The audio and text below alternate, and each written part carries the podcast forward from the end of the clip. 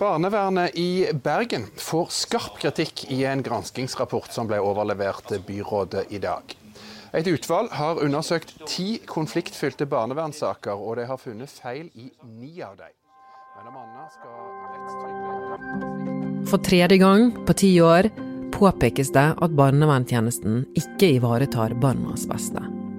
I årevis har barnevernet fått kritikk. Men hvordan er det å stå på den andre siden? Og jobbe der. I denne episoden av Hva skjedde? skal vi møte Linn Therese, som sluttet i jobben. Og jeg lurer selvsagt på hvorfor det? Jeg heter Anna Magnus. Hvem er du? Um, jo, jeg er jo tidligere barnevernsansatt, men så uh, gikk jeg ut i sykemelding i januar 2021 og var sykemeldt eh, ut det året eh, før jeg eh, da sa opp. Så nå så har jeg starta opp for meg sjøl som utbrenthetscoach. Jeg skal å hjelpe andre som nå er utbrent, sånn som jeg var. Kunne hjelpe folk ut fra mine ja, personlige erfaringer.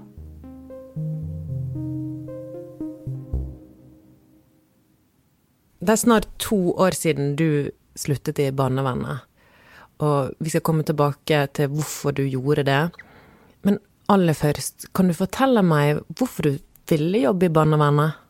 Ja, um, grunnen til at jeg søkte meg inn på barnevernsstudiet, det var jo egentlig litt sånn tilfeldig. Hadde ikke noen sånn spesiell eh, mål eller mening med det i utgangspunktet. Um, og da jeg var, var ferdig så visste jeg jo ikke om jeg hadde lyst til å jobbe spesifikt i barnevernet har vel egentlig alltid tenkt at nei, det er jeg for følsom til. Men så fikk jeg et vikariat i uh, barnevernet, uh, som jeg begynte i, i 2016. Um, men etter å ha jobbet uh, noen måneder, så kjente jeg på at åh, vet du hva, jeg liker faktisk denne jobben. Og det gikk over til at jeg begynte å elske den. Følte at denne jobben er meningen med livet mitt. likte veldig godt det å sette meg ned uh, og få til de der dype, ekte gode samtalene med folk. Uh, I barnevernet så er jo det sånn at menneskene som kommer inn for, for, å snakke med meg, de hadde ikke nødvendigvis så lyst til det. Så de ble litt pusha da til å måtte gå i dybden på ting og, og snakke om ja, de dype, vanskelige tingene. Kan du ta oss tilbake til en dag på jobb som var skikkelig krevende for deg?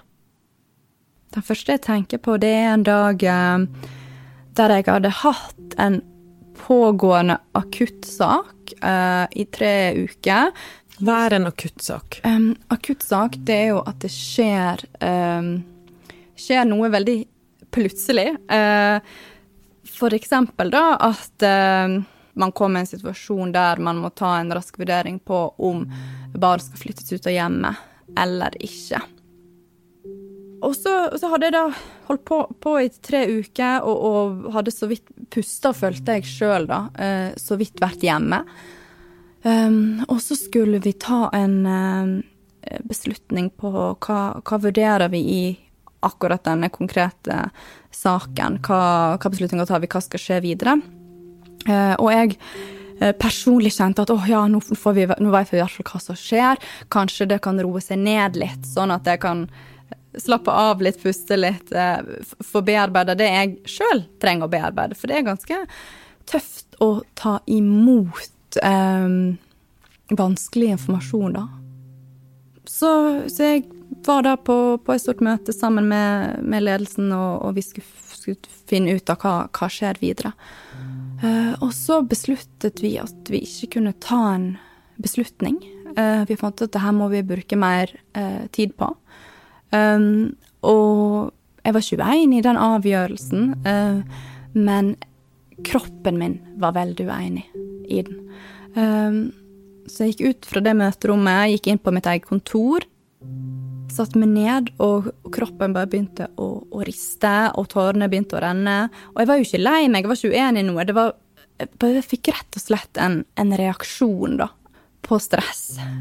Så husker jeg at det var flere som kom inn på kontoret mitt, og jeg hørte at de snakket, men jeg hørte ikke hva de sa. Fordi at da var jeg bare helt eh, i min egen verden, da. Så det husker jeg som en ekstremt eh, tøff dag på jobb. I 2020 så kom det en rapport som het Fjellrapporten. Den gikk gjennom ti særlig konfliktfylte barnevernssaker. Og kommunen fikk kraftig kritikk i ni av sakene, annet for ikke å ha undersøkt om barna trengte hjelp, til tross for bekymringsmeldinger. Hva tenkte du når denne kom? Overrasket det deg, eller? Jeg husker at for meg så var det litt vanskelig å, å forholde meg til både en rapport, men generell kritikken som barnevernet eh, fikk. Fordi at jeg hadde fokus på de sakene som var mitt ansvar, hva jeg kunne gjøre for å gjøre en best mulig jobb eh, i de sakene. Og så er det noe med det at når du allerede kjemper for å holde ditt eget hode over vannet, og du kjenner at snart drukner jeg, snart klarer jeg ikke mer, så selvfølgelig kan man alltid bli bedre, og det er kjempeflott å bli granska og få eh, konstruktiv kritikk. Men når du ikke har verken tidsmessig eller energimessig kapasitet til å klare å gjøre noe med det, så, så føles det eh, litt sånn meningsløst, egentlig.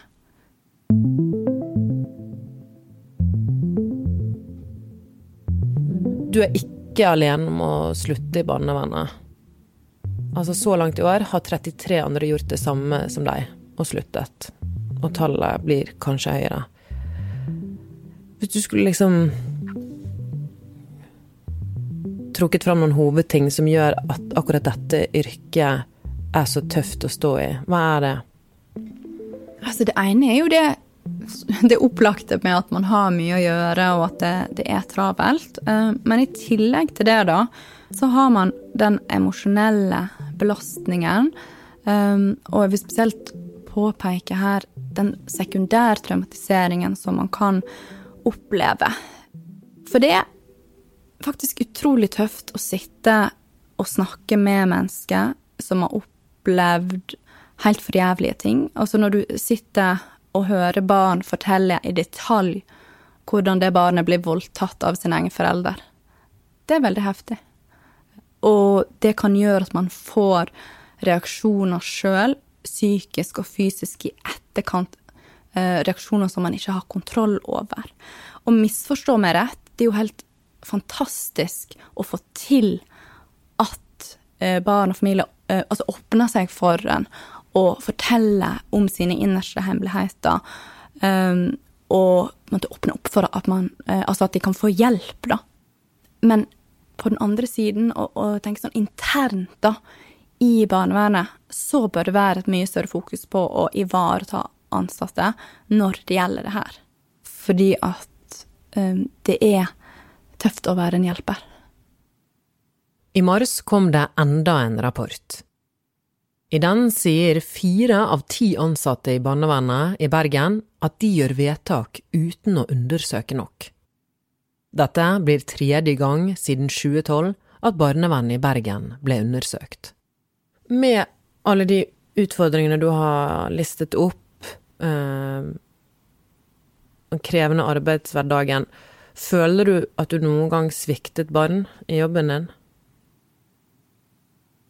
Um jeg tenker at av tanke på alle de barna som jeg har fulgt opp igjennom eh, de årene jeg jobbet i barnevernet, så tenker jeg at det er umulig at jeg kan ha gjort en perfekt jobb i alle de. Eh, det kan godt hende at det sitter barn og foreldre og hører på denne podkasten og tenker at jeg burde tatt, eh, gjort andre vurderinger eller eh, fått til andre beslutninger. Og jeg tenker at det er på en måte noe jeg må, må prøve å leve med, da. Jeg vet jo med meg sjøl at jeg har, har, gjort så godt jeg kan. Um, og ja, mer enn det får, jeg, får ikke jeg gjort, da.